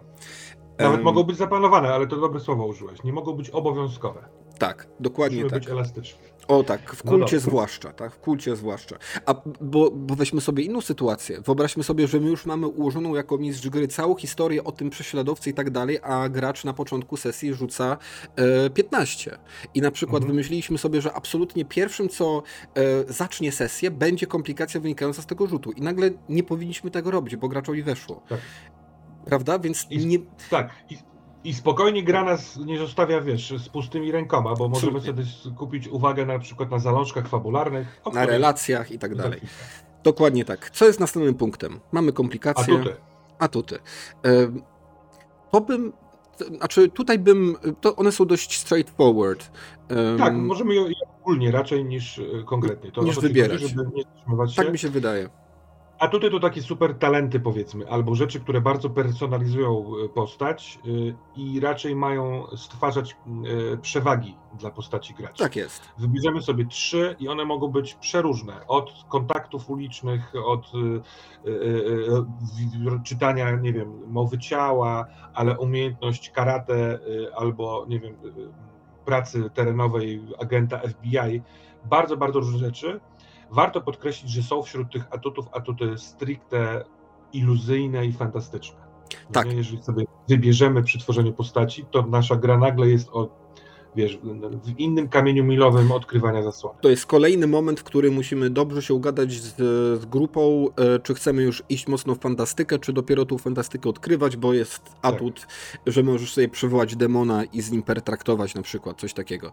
Tak, Ogólnie tak, tak. dorzuciłbym tylko, żeby zrozumieć e, to, to są zasoby dla graczy, tak jak komplikacje, mroczne sekrety i te niektóre ruchy są przede wszystkim narzędziem mistrza gry, tak mhm. atuty są narzędziem gracza, żeby to on mógł wpływać na fikcję i pomagać swojej postaci w niektórych działaniach. W ogóle atuty są podzielone na e, atrybuty. One, każdy jest podpięty do innego atrybutu. Do du- zaraz będziemy o nich mówić. Do duszy, do percepcji i tak dalej. Tak. E, może Boski, e, coś w tobie przypomina twoim byłym sługom, mhm. nawiązanie do tego, kim kiedyś byliśmy przed tym, kiedy nas uwięziono w więzieniu. E, przypominam byłym sługom, czym naprawdę jesteś. Za każdym razem, gdy spotkasz potwora, rzuć na duszę. E, przy 15 istota bierze cię za Boga, wybierz do trzech możliwości i użyj ich w dowolnym momencie sceny. 10-14 e, fascynujesz istotę, wybierz jedną z możliwości, dziewiątka możesz wybrać jedną z możliwości, ale po jej wykorzystaniu istota, istota pragnie cię posiąść, może usiłować cię pożreć lub schwytać, MG wykonuje ruch i nasze możliwości to uspokój agresywną istotę, wydaj rozkaz istocie, zmuś ją do posłuszeństwa. E, to już jak najbardziej. No to, tak? jest, to jest potężne narzędzie. Potężne. Bo mistrz gry sobie wy, wymyślił y, y, straszliwego NPC'a, wystawia go na spotkanie, a my mamy boskiego i rzucamy i możemy albo go po prostu uspokoić tego NPC'a, albo wręcz mu wydać rozkaz i on to zrobi. Tak, czyli atuty też musimy wziąć bardzo mocno pod uwagę pod tym kątem y, naszego scenopisarstwa. Tak, w jaką grę chcemy grać. No dobra, to y, atrybuty pokrótce. Mhm. Pokrótce. Mamy ich ile? 9 czy 10? Tak. podstawową rzeczą jest to, że tutaj każdy atrybut jest ściśle związany z jednym ruchem, koniec. E, komplikacje mhm. są czasem, a czasem nie związane z jakimś ruchem, e, w sensie jakimś atrybutem i atuty też czasem nie zawsze są związane z konkretnym atrybutem. Ich jest kilka i, i, i, i, i możemy jakoś bardzo króciutko scharakteryzować. No są trzy pasywne atrybuty: odporność, refleks i siła wola. Pasywne dlatego, ponieważ e, ruchy, które e, są z nimi związane, wydarzają się poza wolą e, postaci. Na przykład odporność jest związana ze zniesieniem obrażeń. Jak już dostaliśmy jakieś obrażenia, ktoś nas palnął, no to wykonujemy ten rzut, żeby zobaczyć, jak nasze ciało znosi te obrażenia. Refleks związany jest trochę łatwo się domyślić, z uniknięciem obrażeń, czyli jak ktoś nas chce palnąć, Tylko przerwę, przepraszam, przerwę Ci na tym momencie, no. bardzo ważne, to co Wojtek mówi, związane jest z uniknij obrażeń. Uniknij obrażeń jest ruchem na niego się rzuca, dodając tak. Y, wartość naszego atrybutu. Czyli na przykład, jeżeli refleksu mamy dwa, to użyjemy tego refleksu prawie tylko i wyłącznie, kiedy będziemy próbowali uniknąć obrażeń. On nie ma zastosowania w zasadzie prawie nigdzie indziej, jeżeli nie nigdzie no nie, indziej nie per se. E, I to jest ruch, uniknij obrażeń. Coś leci w naszym kierunku maczeta, rzucamy na uniknij obrażeń, czyli patrzymy na wartość naszego atrybutu, 2K10 tak. dodajemy wartość atrybutu, patrzymy jak dobrze nam się udało uniknąć obrażeń. Jeżeli nam się nie udało uniknąć obrażeń, dostajemy, dostajemy w twarz i musimy sprawdzić, e, musimy sprawdzić jak bardzo dostaliśmy w twarz i rzucamy wtedy na znieść obrażenia, a znieść wyobrażenia będzie pod wytrzymałością czy pod czymś tam. Trzeci pasywny to siła woli związana z jakby właśnie odpieraniem szoków, e, straszliwości i tak dalej. E, a potem są aktywne atrybuty. Charyzma, opanowanie, intuicja, percepcja, rozum, dusza i przemoc. E, ogólna uwaga dotycząca ruchów, może ją potem rozwiniemy. Fabuła najpierw tu jest, jak to się mówi po angielsku ładnie. Fiction first. Tak. Fikcja najpierw gramy sobie przy stole opowiadając opowieść, rozmawiając ze sobą, mówiąc, co ta postać chce zrobić, jak chce zrobić i tak dalej. I te wydarzenia, te, te mówienie ma triggerować ruch. Poprzez mówienie rzeczy, które chcemy zrobić, mistrz gry zwykle sugeruje, wydaje, wydaje mi się, że tutaj trzeba rzucić w takim wypadku na przystąpienie do walki na przykład, albo może takie coś zasugerować gracz ale raczej staramy się fikcją najpierw operować, żeby sprawdzić, czy coś będzie rzucane, niż też nie. Tak, to jest dość abstrakcyjne. Core jest taki, że e, to nie jest tak, że jest dana sytuacja, w której zawsze się rzuca na uniknij obrażeń i wszyscy już wiedzą, tylko sytuacja fikcji nam mówi, jaki ruch wydaje nam się pasować najbardziej i to z tego ruchu korzystamy. Zawsze mhm. najpierw jest opowieść i to, co się dzieje w grze, a dopiero potem jest przełożenie mechaniczne tak, jak nam pasuje. Dokładnie. Znaczy każdy ruch ma opisany ten trigger, no nie, nie wiem, analizuj sytuację brzmi za każdym razem, gdy analizujesz sytuację, rzuć percepcję, w sensie rzuć plus percepcja, więc możemy sobie w trakcie gry zastanowić się, czy ty teraz nie analizujesz sytuacji, mhm. albo ja chyba teraz analizuję sytuację. Bang, mhm. rzućmy i sprawdźmy. Tak. Wartość tych atrybutów jest od minus 2 do plus 3, więc te zmienne e, w tych środkowych pasmach nie są bardzo istotne, ale te brzegowe już istotne dosyć są do rzutów. Y, czy coś jeszcze o atrybutach? E, myślę, że wystarczy. No, rozdzielamy sobie pulę odpowiednią. Myślę, że nie będziemy tego robić stricte. E, powiedzmy co nieco o ciekawszych ruchach, dlatego że tutaj wchodzi mhm. to, co ja mówię, co uważam o kulcie, że to jest gra jest generalnie o zwykłych ziomeczkach, pod tym kątem, że nie jesteśmy żadnymi bohaterami, e, nie jesteśmy nadludzko silni, ani nic w tym rodzaju. Chociaż jest Ach, możliwość. Wcale nie. Przecież można sobie zrobić dosyć łatwo super agenta FBI, napakować go atutami typu znam walkę w True. lewo i w prawo. W sensie e, taki ten power gaming niespecjalnie jest częścią kultowej kultury gry, e, bo nie jest potrzebny, bo to nie jest Ale jest. gra. Ale wydaje mi się, że możemy być taką postacią. True. Możemy True. być turbo bogatym, e, wiesz, biznesmenem, który naprawdę udało mu się wszystko. Na Masz rację. nałogiem. Masz rację. Ja myślę, za bardzo myślę przez pryzmat mojej kultury grania w kult, jak my gramy, nie? A zapomniałem, że. System pozwala na zrobienie totalnie czegoś takiego. Ale mówiłem o tym, masz rację, składam broń. Ale mówiłem o tym w kontekście tego, że, że y, powiedzmy, jest, jak, kiedy chcemy na kogoś wpłynąć, żeby zrobił to, co my chcemy, jest ruch, który nazywa się wpłyń na innych. E, kiedy chcemy oprzeć się obrażeniom, wiadomo, kiedy chcemy ich uniknąć, kiedy chcemy przejrzeć iluzję, to rzucamy na przejrzyj iluzję. Ale jest jeden ruch bardzo ciekawy i mój ulubiony, i ten ruch nazywa się Działaj pod presją. Czy chciałbyś coś o tym ruchu powiedzieć? Nie, chciałbym oddać Ci głos, bo to jest Twój ulubiony ruch, ja poczekam ze swoim. Dobra, więc działaj pod presją jest takim zbiorczym ruchem, który określa wszystko, co robi postać, jeżeli znajduje się pod presją czasu. I to jest coś fantastycznego. To pokazuje, jak ta gra rozumie swoją konwencję. Gry nie interesuje, czy ty masz umiejętność prowadzenia samochodu. Jeżeli w fikcji ma sens, na przykład twoja postać nie jest ślepa, załóżmy. Jeżeli w fikcji ma sens, że jeździsz samochodem, to grę interesuje ten fakt tylko w momencie, w którym uciekasz przed przeciwnikiem i nie interesuje jej, czy ty masz prowadzenie samochodów na 30, 40 czy 80% jak w Cthulhu. Interesuje ją tylko pod jaką presją się znajdujesz i jak sobie z tą presją poradzisz. I kiedy chcesz otworzyć zamek w drzwiach, najpierw zadajemy pytanie, czy w fikcji to jest sensowne, że ty to umiesz. Chyba jest atut do tego w ogóle. Albo jeżeli jesteś jakimś tam złodziejem, to można uznać, że w fikcji ma sens, że umiałbyś otwierać zamki, miałbyś przy sobie potrzebne narzędzia. Wtedy otwierasz zamek. Gry nie interesuje to, czy go otworzysz, czy nie, e, pod warunkiem, że nie jesteś że nie ma na tobie presji. Jeżeli jest na tobie presja, mhm. chcesz sprawdzić, czy otworzysz ten zamek, bo inaczej możecie zostać uwięzieni w tej celi i nie będziecie mogli nic zrobić. Czy presją jest to, że ktoś się zbliża i musisz zdążyć otworzyć ten zamek, wtedy grę to interesuje i wtedy rzuca się na ruch, który nazywa się działanie pod presją. I jest fantastyczny też dlatego, że daje bardzo dużo różnych możliwości rozwinięcia się sytuacji, w których każda popycha scenę do przodu. W tej grze nie ma pustych rzutów, e, jesteśmy daleko, daleko poza tym pułapem, gdzie byłby jakikolwiek problem. Rzuca się do tego na opanowanie oczywiście, czyli dodajemy opanowanie do rzutu K10 i przy 15 udaje nam się super, otwieramy ten zamek, uciekamy samochodem. Przy 10-14 udaje ci się jednak albo wahasz się, działaj z opóźnieniem lub sprawy się gmatwają. Mogą być nieoczekiwane skutki, wysoka cena lub trudny wybór, e, a przy 9 poważne konsekwencje, robisz błąd, wystawia się na zagrożenie ruch mistrza gry i są fantastyczne te potencjalne komplikacje, dlatego że mamy na przykład e, nieoczekiwane skutki, na mhm. przykład otworzyliśmy te drzwi, ale to spowodowało i uciekamy przed potworem, ale to spowodowało uruchomienie się e, alarmu w całym budynku. E, możemy mieć wysoka cena. Ok, możesz otworzyć te drzwi, ale to spowoduje, że twój towarzysz zostanie pożarty przez tą istotę, bo nie byłeś aż tak szybki.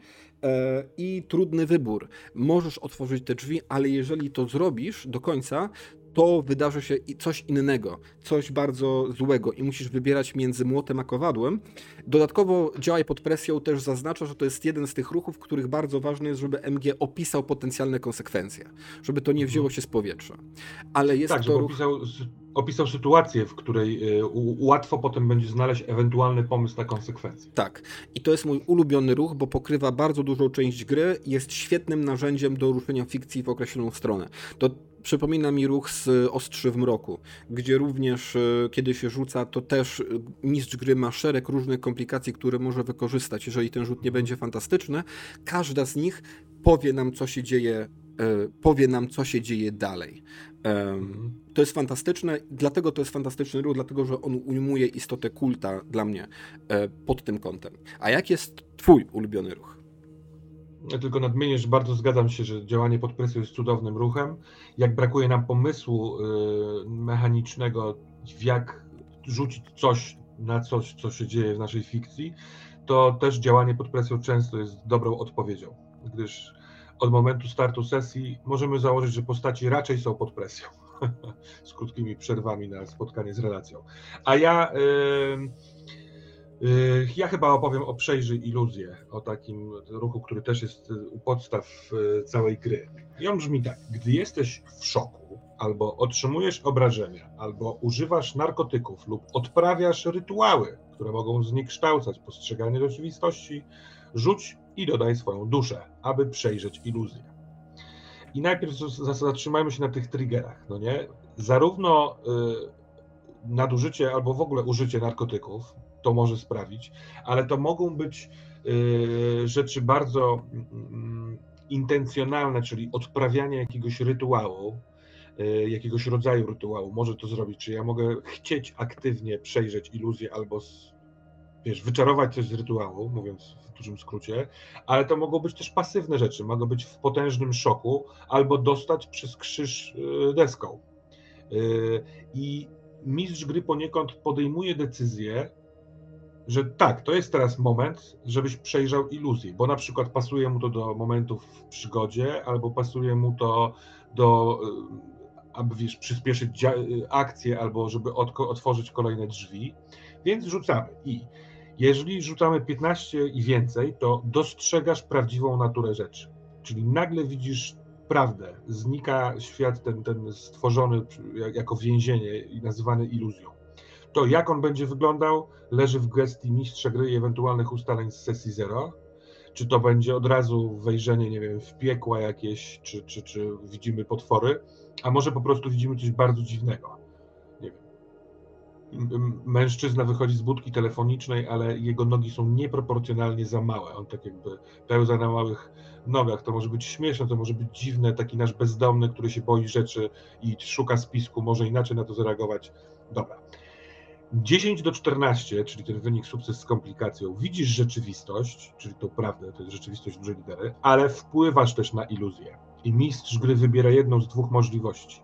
Albo coś z tej iluzji cię wyczuwa, czyli zapowiedziane jest jakieś ewentualne niebezpieczeństwo, albo iluzja rozdziera się wokół ciebie, czyli nagle powstaje miejsce, w którym tutaj nie będzie już tej iluzji przez jakiś czas, albo aż ktoś coś zrobi. Kto inny to, to zobaczy, albo kto wpadnie w pułapkę, albo co z niej wyjdzie w przyszłości.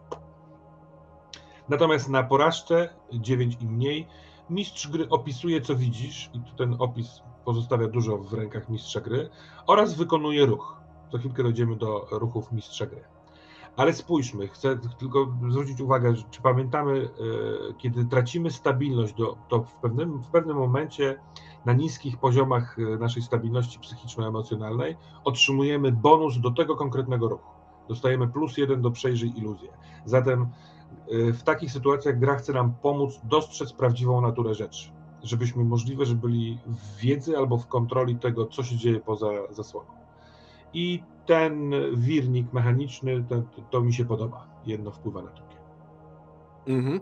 Ja też mm, teraz też, też mi tak przyszło do głowy, to jest trochę tak, że przy piętnastce my widzimy te rzeczy, ale jesteśmy bardziej świadomym świadkiem, mhm. a niekoniecznie to może nas, do nas przyjść i nas ugryźć w tyłek. A już tak. od 14 w dół też widzimy to, ale to coś widzi też nas de facto, tak. nie?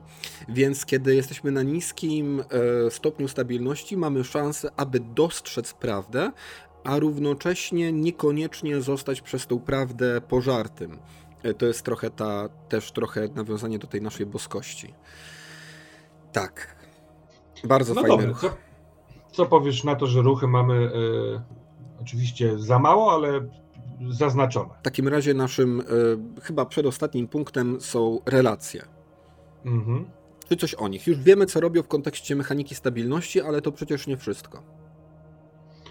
No cóż o nich, no w trakcie tworzenia postaci, czy też y, zanim przyjdziemy do stołu, żeby zrobić to wspólnie, albo już tam w trakcie, y, pojawiają się pomysły, mają się pojawiać pomysły na NPC-ów, na, na postaci, przy czym to nie zawsze muszą być postaci, to może być przedmiot na przykład, albo miejsce, równie dobrze, y, które są istotne dla tego konkretnego bohatera.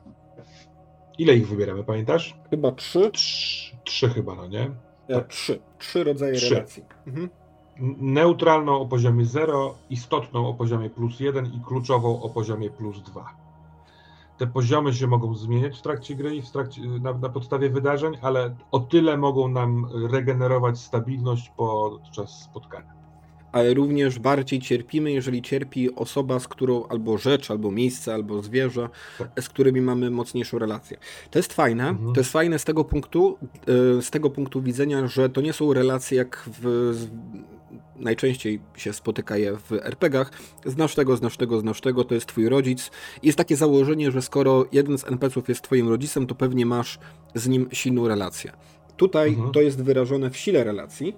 E, I kiedy mamy pozycję neutralną, to, to jeżeli weźmiemy sobie postać, może być nasza siostra, ale bierzemy sobie mhm. z siły relacji neutralna. Tak, to jest nasza siostra, łączą nas jakieś tam więzi rodzinne, spotykamy się na święta e, i gadamy tyle. I wiemy, że ta postać nie jest kluczowa dla naszego bohatera, dla, dla naszej bohaterki. Kiedy mamy istotną, to to już może być kochanek, kochanka, to już może być bardzo bliski przyjaciel, ukochany pies, coś takiego. A kluczowa, no to jest, to jest ktoś, za kogoś oddamy życie, za co oddamy mhm. życie, to jest to, co mamy bardzo blisko naszego serca. No to I... może być ktoś, do kogo aspirujemy, y, jakiś Też. taki nadmentor. Y, Też. Mhm. Też. Jak najbardziej i są to właśnie postaci istotne, rzeczy, rzeczy, postaci istotne w procesie odzyskiwania stabilności, ale też oczywiście są narzędziem kreatywnym, narracyjnym. Tak? Te postacie mhm. y, powinny się na sesjach pojawiać, powinny być częścią tej historii, tak sądzę. Y, Absolutnie tak. Czy coś chciałbyś dodać względem relacji? Mm, no taką funkcję podkreślić, trochę o niej powiedziałeś, ale y, Y, y, y, taką samą jak przy innych tych narzędziach, na przykład mocno to widać przy komplikacjach, ale też przy atutach, że to są inspiracje dla mistrza gry. Możemy podejść do rozgrywki w kulta, że mistrz gry ma gotowy, nie wiem, jednostrzał albo parosyjną mini kampanię i wtedy ma wymyślone rzeczy, zanim usiądzie do stołu. Może nawet mieć gotowe postaci, ale możemy to zagrać tak, jak podręcznik też no, sugeruje, jako jedną z opcji, możliwe, że mocniejszą, żeby podejść z bardzo otwartą głową. Niech, niech gracze stworzą postaci, zróbmy to razem, żebyśmy mieli jakiś taki wspólny mianownik konwencji i dopiero później na podstawie wybranych właśnie relacji, komplikacji, mrocznych sekretów i tak dalej, kierunków, w których chcą grać postaci, mistrz gry tworzy sobie jakiś, jakiś, jakiś punkt wyjścia. E, więc e, do tego też mogą służyć relacje, są do tego świetne. Tak, ja w ogóle myślę, że granie w kulta, tak jak w tradycyjnego RPG z przygotowanym scenariuszem, y, to, to, to, nie jest dobra rzecz. Wydaje mi się, że ta mhm. gra przez to traci. I ta gra jest w takim dość dziwnym rozkroku, że z jednej strony jest bardzo nowoczesna i wszystkie narzędzia mechaniczne i narracyjne w niej krzyczą: graj mnie, w sposób, w który mówię i graj nowocześnie, i graj sesje o postaciach i, i, i tak dalej, a z drugiej strony podejrzewam, że kult nie chce rezygnować z wydawania e, na przykład dużych zbiorów scenariuszy do niego. Mhm. E, pewnie to jest trochę w tym i on jest w takim rozkroku między takim nowoczesnym PBTA narracyjną grą, a czymś tradycyjnym. E, wolałbym, żeby to tak. było stricte określone, że że, że, że to ma być sesja o graczach i to od, od postaciach graczy i to od nich trzeba, trzeba wychodzić. No ale to jest taka moja ale, osobista tak, opinia. Ja trochę się z tym zgodzę, ale yy, tak, czasami staję wobec e, takiego powiedzmy dylematu. Chciałbym poprowadzić na jakimś konwencie sesję, niech ona będzie nawet długą sesją i chciałbym poprowadzić horror, mam pomysł na taki właśnie horror, który trąca okulta, to czy wkładam ten lore w inną mechanikę, która, nie wiem, służy szybszemu, krótkiemu graniu z gotowymi postaciami, czy zmieniam trochę mechanikę y, kultu, na przykład wywalam zalążki fabuły, bo mi się na jedno strzelanie przydadzą y, i trochę to ujednostrzelam, żeby zagrać w tym loże, który naprawdę bardzo lubię, no nie? wykorzystując na przykład ruchy, które też bardzo lubię i dobrze się, dobrze się z nimi czuję. No więc zwykle wybieram drugą opcję, rzeczywiście okrajam trochę grę do tego, żeby ona mogła zagrać jako jednostrzał w takiej sytuacji, y, ale też ewidentnie preferuję zagranie pełnym, pełną paletą mhm. narzędzi w taką grę, która się mhm. w swoim tempie rozwija mhm. i idzie tam, gdzie chce iść. Też tak robię. Ja to robię dokładnie tak jak ty, okrajam grę, ale ja robię tak, że stwarzam pewne ramy. Okej, okay, macie zakład pogrzebowy, jesteście ojcem i synem i twoja żona cię rzuci Nie, i chyba tyle miałem wymyślone i wiedziałem, jakie tam cholerstwo jest w tej, w tej, e, w tej kostnicy. Mhm. Wiedziałem, o co, mhm. będzie, o co będzie rzecz. Tyle. A potem zaludniliśmy, zaludniliśmy, wzbogaciliśmy to wszystko o osobiste rzeczy bohaterów. I koniec końców mhm. sesja jest na moim kanale. Bardzo ją polecam ze swojej strony. Uważam, że to jest najlepszy kult, jaki zagraliśmy. Najbardziej emocjonalny, przerażający i ckliwy trochę, ale w takim dobrym znaczeniu i wspaniały. Zagrałem e, z Adamem i ze zgubą, ze zgubnego grania, fajny kanał, polecam również. E, linki też umieszczę w opisie.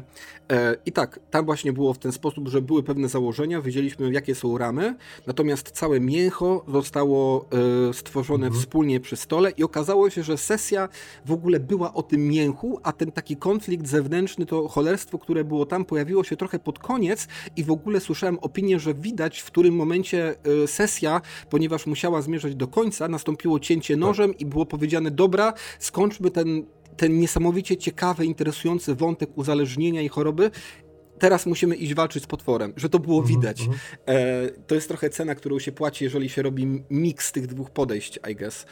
Um, no, ale... dokładnie tak. Tam się możemy wykoleić ewentualnie. Tak, a z kolei pozwolę sobie też na inną rekomendację. Niesamowicie polecam pierwszy pokój, twój, termos. E, nies, nieprawdopodobne po prostu teatr, nie, nie, nie wiem. Po prostu idźcie zobaczyć pierwszy pokój Termosa przede wszystkim i wyrwę. E, moim zdaniem twoje flagowce, Dobrze. jeśli chodzi o kult, e, cudowne, łączące oba podejścia. Widziałem też twój film z tego, jak myślałeś o wyrwie. Widziałem ten wielki koncept i po tym, jak to było wzbogacane i budowane oddolnie przez bohaterów z pewnym odgórnym założeniem, spoiwem tego wszystkiego. Cudowne. Mhm. Ten miks się udał, bo mieliście dużo czasu, nie? więc to wszystko było organiczne. Coś pięknego. Um, Dziękuję bardzo. Przejdźmy do ostatniego, bardzo ważnego elementu. Tak jest. E, może przedostatniego oczywiście, bo ten jeden niespecjalnie dotykany to wygląd, opis postaci, yy, takie, takie szpargały, ale zalążki fabuły jako mechanika domykająca postać. Yy, Czy chciałbyś parę słów o tym? Nie, myślę, że ostat... ja w ogóle dużo gadam, przepraszam z góry, bo ja jestem rozgadanym człowiekiem, mam, mam ekstrawertykiem. To samo o sobie. um, Więc może ty powiedz coś o tych zalążkach fabuły. Zalążek fabuły to zdanie, które ma, e, mm, ma być e, e, atrakcyjne pod względem opowieści, storytellingu. I jeśli gracz to zdanie zrealizuje w trakcie sesji, to zostanie nagrodzony punktami doświadczenia. To duży skrót. Teraz tak. Te zdania wybiera sobie gracz podczas tworzenia postaci sam i wybiera ich dwa albo trzy chyba. Nie pamiętam w tym momencie. Teraz to może jest nieistotne. Tak, tak. Powiedzmy, że dwa. I one sugeruje się, żeby się rozpoczynały od jedne, jednego z ośmiu takich właśnie drive'ujących, y, y, naprowadzających na realizację celu czasowników. Te czasowniki to w formie bezokolicznika zakończyć, odkryć, powiedzieć, odwiedzić, wypełnić, skonfrontować się, zbadać, rozwinąć. I jeśli gracz sobie wybierze no nie, że wybiera te dwa czasowniki bez okoliczniki, tylko wybiera zdanie zbudowane na nich, to daje mistrzowi gry propozycję. Ja bym chętnie zagrał taką scenę. E, mistrz gry, wiedząc to potworzenie postaci, może wymyślić sobie, jak ta scena mogłaby wyglądać, albo gdzie by się odbywać, albo co postać, która jest zaangażowana w tą scenę, na przykład odwiedzić dziadka, żeby dowiedzieć się, czemu mnie nie lubi więc od takiej odwiedziny mistrz gry może przygotować mniej lub bardziej, ale kiedy odegramy taką scenę, to, yy, to gracz dostanie punkt doświadczenia, powiedzmy. Taka jest niby nagroda. Ale to też sprawia, że ma odfajkowany zalążek fabuły i od w sensie wszystkie następne uzupełnienia tych zalążków, bo zawsze powinno się ich mieć dwa lub trzy, właśnie teraz nie pamiętam tej liczby, yy, proponuje już stół. Czyli jeżeli ja zrealizowałem swój oryginalny zalążek fabuły albo oba, to, w nas, to pomiędzy sesjami mamy rozmowę, w której pozostali gracze i mistrz gry mogą zasugerować, gdzie ty z tą swoją postacią fajnie by było, gdybyś poszedł. A może byś teraz skonfrontował się z szefową pracy. Albo, a może byś zbadał tajemnicę tego, nie wiem, tego dziwnego aparatu fotograficznego, który znalazłeś w pierwszej sesji. Więc trochę wspólnymi takimi siłami tworzymy taką kocioł kołyskę, takie powiązania sznurków, które mają stworzyć, że tak powiem, tkaninę naszej opowieści. Tak. I po raz kolejny to jest coś, co nie ustalam jako obowiązkową scenę zawsze, wkładając w określony moment scenariusza, że wydarzy się to na czwartej scenie, godzinę w sesji i tak dalej. Tylko znowu to jest raczej narzędziownik mistrza gry, to jest mhm. coś e, napisanego z boku e, na kartce papieru w sekcji e, zalążki fabuły postaci i powiązane z komplikacjami, relacjami i tak dalej.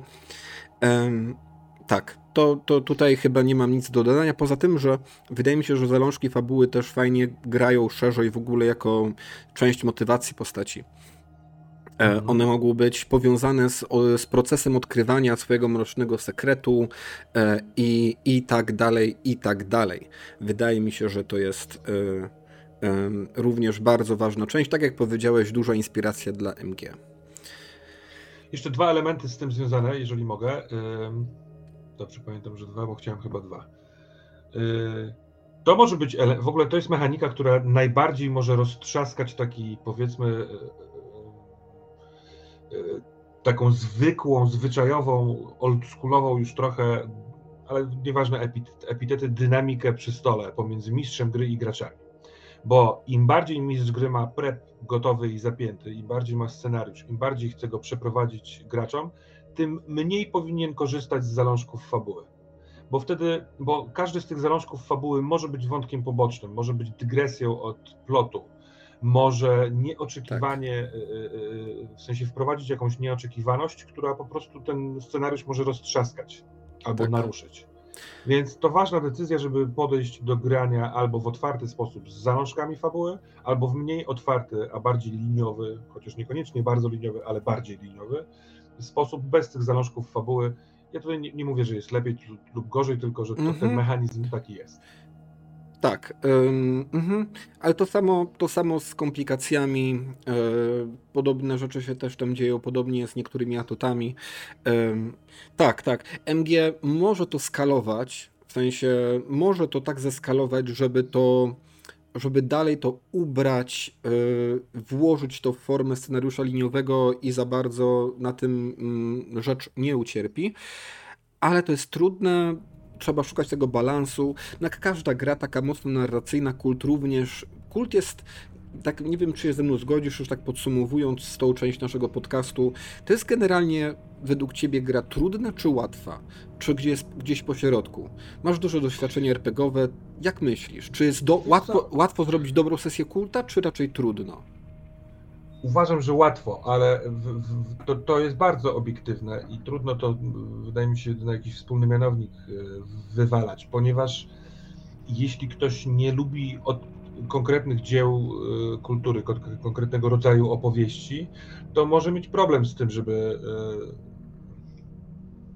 wiesz, no, włożyć w tę grę e, swoje preferencje, no nie? No, czyli mówimy o takim dosyć rozważnym wybieraniu gry pod to, w co się chce grać. Mhm. Ale jeśli ktoś chciałby spróbować horroru albo takiego a, takiego, wiesz, ekstrawertycznego, który widać, który je, epatuje nas przy stole, albo takiego, który jest subtelny, a wręcz trąca trochę o thriller i nie wiadomo, czy to już jest horror, czy jeszcze nie. E, a do tego jest doprawiony sosem prywatnych, osobistych e, dramatów postaci, to to jest dobra gra i uważam, że dosyć łatwo ją zrobić. Mhm. Bardziej, że w tym odcinku już tego nie, nie powiemy, ale w następnym to będzie, sposób przygotowania przygody Y, przygotowania się mistrza gry do gry jest, uważam, bardzo fajnie opisany w tym podręczniku. Można się na nim opierać, ja tak uważam. Więc według mnie to nie jest trudna gra, jeśli podejdziemy do, do niej, dobra, kropka. Mhm. A dla, ciebie? Mnie, ja myślę, że jest y, dość, znaczy Jasne, to, to zauważyłeś, oczywiście to jest bardzo trudno rzeczy obiektywizować. RPG są jednym z najbardziej subiektywnych mediów, bo nie tylko jest subiektywny odbiór twój, ale jest też absolutnie totalnie inny odbiór e, każdego gracza przy stole. Nikt nie przeżywa tego, co powiadasz w ten sam sposób, co ty. To jest coś, czego się uczyłem jakiś czas, że naprawdę zupełnie inaczej postrzegamy rzeczywistość jako ludzie. Więc to jest taka wielka, wypadkowa bardzo wielu różnych czynników, ale ja bym jednak się skłonił do stwierdzenia, że jest to system niełatwy, jeżeli ktoś jest mocno ulokowany w takiej tradycyjnej kulturze grania, w jakieś dedeki, warhammery, zewy Cthulhu. E, dlatego, że ten system zmusza do sporej, znaczy zmusza, może nie zmusza, ale zachęca i zyskuje przy dużej ilości sprytnych improwizacji, które to improwizacje są wielopoziomowo skrzyżowane i połączone z wieloma różnymi mechanicznymi rzeczami. Nagle masz improwizacje oparte o komplikacje, o relacje, o mroczne sekrety, o zalążki fabuły, o, o jeszcze, o, o twój metaplot, ten duży metaplot. Mhm. To z tego się robi taka gigantyczna, dość spora sieć zależności e, i improwizować sprawnie w ramach tego wymaga dość dużego, wydaje mi się, dość sporego doświadczenia i niezłego, no może nie doświadczenia, może bardziej albo doświadczenia, albo naturalnego talentu, albo bardzo otwartej mhm. takiej głowy. E, myślę, że myślę, że ja bym raczej poszedł w kierunku, że to jest system niełatwy, nie jest system trudny, można go zrobić bardzo mocno pod siebie i on działa i będzie działał, ale nie powiedziałbym, że to jest coś bardzo prostego, zwłaszcza dla ludzi przyzwyczajonych do takiego tradycyjnego kulturowo grania, bo trzeba trochę zmienić perspektywę. Na, na nastawienie takie, postawę. Mhm. Ja, ja troszeczkę nie, nie przepadam za stawianiem wysokich progów, bo, bo tak naprawdę wszystko może być trudne dla kogoś, kto nie ma ognia, żeby spróbować się, nie wiem, czegoś nauczyć i tak dalej. Mhm. E, dla kogoś, kto zagrał pierwsze swoje roleplayki to była, nie wiem, kompania ostrzy oraz potwory i, spół, i spółka tylko no, potwór tygodnia. to dla kogoś takiego z kolei zagranie później w Dedeki y, czy w Warhamca, to to może być naprawdę duży problem, żeby objąć tak. ilość pokręteł, współczynników, loru, y, iść za tym, no nie? Więc to jest, działa w, w obie strony według mnie. Ale tak, tutaj potrzebna jest postawa e, otwarta, trochę nastawiona na improwizację i zobaczmy, co my razem sobie wygramy w tą grę, a nie zapraszam Was na, do mojego świata i mojego filmu. Tak, tak, tak, tak, tak, tak. Myślę, że to podsumowuje proces tworzenia bohatera. Tam jeszcze się ustala relacje między członkami drużyny. Mhm. Um, i, i, i, ale poza tym to chyba podsumowaliśmy tworzenie tego bohatera. Tak. I myślę, że to jest piękny moment na przecinek. No zobacz jeszcze jedno zdanie o doświadczeniu, bo to padło, że się doświadczenie okay. dostaje za realizowanie zalążków fabuły. Możemy je wydawać na, na podwyższenie sobie atrybutów albo na zdobywanie nowych atutów, ale też na w pewnym momencie po kilku rozwojach, obojętnie co rozwijemy, ale po kilku rozwojach możemy z naszej postaci, na przykład archetypu śpiącego, zrobić archetyp świadomy, a później z tego świadomego zrobić archetyp przebudzony. Ale o archetypach przebudzonych powiemy bardziej w tej drugiej części, tak. w której są spoilery. Tak, ale basically typowy rozwój postaci to postać yy, nieświadoma, śpiąca, która wypiera, świadoma, czyli taka, która ma świadomość tego, że coś jest z rzeczywistością nie tak, że jest coś fundamentalnie z nią nie tak, a postać przebudzona to ktoś, kto wziął tą prawdę, odkrył swoją boskość utraconą i jest trochę takim magiem. E, ale w to... No, w dużym skrócie tak, ale właśnie ktoś, kto już aktywnie i świadomie E, współżyje z tą prawdziwą rzeczywistością. Dokładnie tak. To już jest Neo, który zdaje sobie sprawę z Matrixa i działa, mhm. może działać na przykład na obu tych płaszczyznach, w iluzji i w prawdziwej rzeczywistości. I jak uczy się skakania z dachów albo przez dachy, to już czasami mu wychodzi. Dokładnie tak. Um, Okej. Okay. Słuchaj, Wojtek, no to była wspaniała rozmowa, muszę powiedzieć. Bawiłem się super. Czuję się trochę, jakbym no. odkrył kulta na nowo. Um, Kult jest wspaniały. Kult Ale jest wspaniały. tak, potwierdzam, rozmówca też jest cudowny. Więc, e, drodzy słuchacze, drodzy widzowie, tutaj robimy przecinek. W tej części omówiliśmy podstawy kulta, o czym to jest gra i stworzyliśmy postać, przy okazji omawiając różne mechaniki.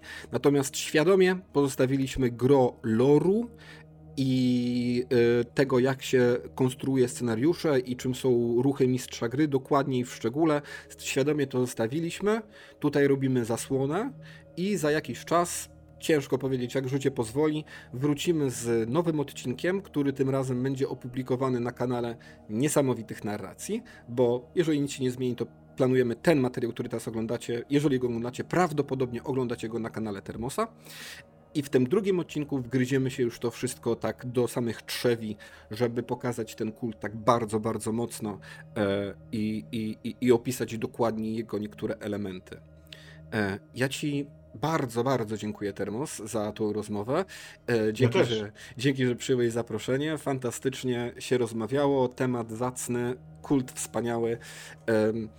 Słowo na No koniec. mamy nadzieję, mamy nadzieję, że się przyda ten materiał dla tych, którzy chcą poznać grę oraz ją pogłębić ewentualnie poznanie, jeśli chce, jeśli ma się ochotę. To są oczywiście nasze perspektywy. Zachęcamy do posiadania własnych raczej niż śledzenia cudzych tylko i wyłącznie.